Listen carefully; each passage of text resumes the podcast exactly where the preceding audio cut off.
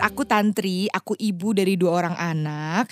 Biasanya sih orang-orang tuh uh, kenal sama aku sebagai penyanyi dari band Kotak. Tapi kali ini aku akan ngajakin Happy Parents untuk ngobrol-ngobrol santai di Grow Happy Podcast persembahan dari Lacto Grow. Nah, happy parents, waktu anak-anak kita dari bayi menuju balita nih, pasti salah satu yang kita perhatiin banget kan itu biasanya kenaikan berat badan. Setuju nggak?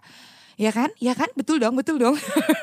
Kayaknya tuh happy banget gitu kalau tahu berat badan anak kita naik terus dia tuh kelihatan montok, kelihatan ginu-ginu, pokoknya tuh gemesin banget. Apalagi kalau anak kita nafsu makannya sehat. Aduh ya ampun, itu tuh kebahagiaan duniawi banget buat para moms yang mendengarkan. Setuju semuanya? aku juga dulu gitu tuh sama Kara. Kalau lihat berat badan dia naik tuh, aku tuh seneng banget. Kayaknya dia tuh berhasil melewati suatu milestone gitu. Tapi ternyata nggak selamanya kenaikan berat badan itu sehat. Kalau anak kita kegemukan atau sampai ke yang namanya tuh obesitas, itu justru nggak baik buat dia. Makanya Makanya kita perlu banget perhatiin pola makan anak-anak kita dan juga jaga supaya kenaikan berat badannya di level yang imbang. Gak cenderung ke obesitas. Nah kali ini kalau mau tahu lebih banyak soal masalah obesitas ini udah ada ahli yang bisa jawab semua pertanyaan kita. Kenalin nih Happy Parents, ini ada Dr. Louis Kartika SPGK Spesialis Gizi Klinik. Halo Mbak Tantri. Hai dok. Halo Happy Parents semua, senang sekali bisa hadir di sini untuk sharing bareng ya.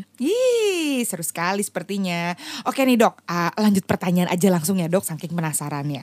Nah dokter, sebetulnya gimana sih kenaikan berat badan yang sehat itu?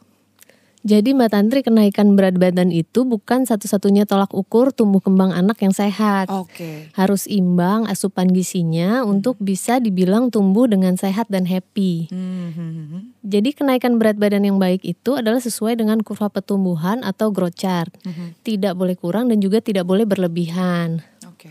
Memang ada orang tua yang senang kalau anaknya naik berat badannya, -hmm. tapi perlu tahu kalau berlebihan itu cenderung menjadi obesitas.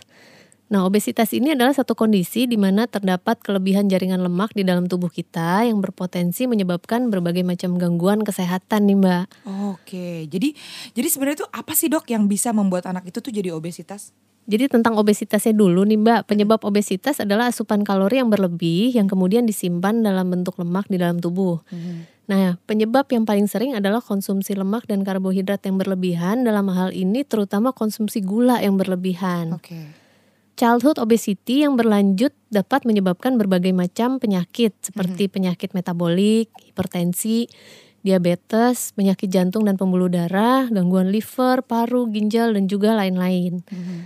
Gula, terutama sukrosa atau yang biasa disebut gula pasir yaitu gula tambahan yang ada dalam berbagai jenis makanan dan minuman bisa menyebabkan obesitas. Okay.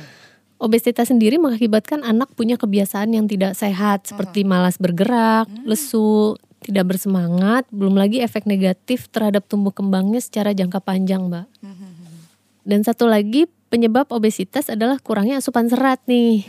Ada beberapa penelitian di Indonesia yang mendapatkan bahwa asupan serat anak di Indonesia ini masih belum mencapai rekomendasi yang disarankan, Mbak. Sementara serat pangan ini juga penting untuk mendukung pencernaan yang sehat, menjaga flora normal atau bakteri baik di usus dan menjaga supaya BAB tetap lancar sehingga pencernaan kita lebih sehat. Kita kemudian membatasi asupan gula, pencernaan lebih sehat, kemudian penyerapan berbagai komponen nutrisinya juga baik, jadi tumbuh kembang anak juga optimal. Oh gitu. Jadi kalau kalau aku tadi dengerin dokter ngomong berarti basicnya tuh gula lagi gula lagi ya dok ya.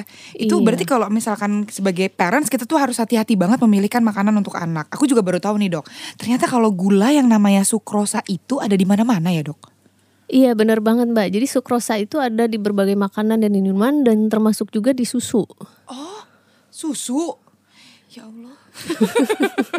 Padahal Kara tuh doyan banget dok sama susu. Terus kalau oh. itu aku harus gimana ya dok? Jadi sarannya sebaiknya memilih susu yang rendah sukrosa namun kaya akan laktosa. Oke. Okay. Jadi laktosa ini secara alami memang terdapat di susu dan merupakan golongan karbohidrat yang dipakai sebagai sumber energi. Hmm, hmm, hmm, laktosa ini banyak manfaatnya, Mbak, termasuk merangsang pertumbuhan bakteri baik dalam sistem pencernaan anak, juga tidak berisiko menimbulkan obesitas. Oke. Oke. Nah, happy parents gimana? Udah jelas kan? Pentingnya kita memberi anak kita susu yang kandungan sukrosanya rendah tapi justru kaya akan laktosa. Nah, kabar baiknya nih, kita sekarang punya Lacto Grow Happy Nutri Formula baru yang mengandung 0 gram sukrosa tapi mengandung laktosa. Juga diperkaya dengan serat pangan, vitamin dan kandungan lainnya yang bermanfaat buat pencernaan si kecil. Jadi nggak perlu takut lagi nih happy parents kalau si kecil beresiko obesitas gara-gara gula tambahan dalam susunya. Dan yang pasti tetap grow happy. Produknya juga sudah bisa didapatkan di e-commerce favoritnya Happy Parents semua. Dan jangan lupa nih Happy Parents untuk selalu ikutin update-update terbaru Lacto Grow di Instagram dan juga Facebook. Dan dengerin terus nih Grow Happy Podcast di Spotify. Gabung juga di Grow Happy Club untuk dapetin banyak informasi dan benefit menarik lainnya. Selengkapnya hanya di growhappy.co.id ya. Terima kasih banyak untuk Dokter Louis yang sudah share banyak banget ilmunya untuk para happy parents. Ini pasti sangat bermanfaat banget deh buat mereka. Terima kasih Mbak Tantri dan Happy Parents. Saya sudah diberikan kesempatan untuk sharing di sini. Sampai ketemu di lain kesempatan ya Mbak ya. Oh iya dong, pasti dong. Let's grow happy together.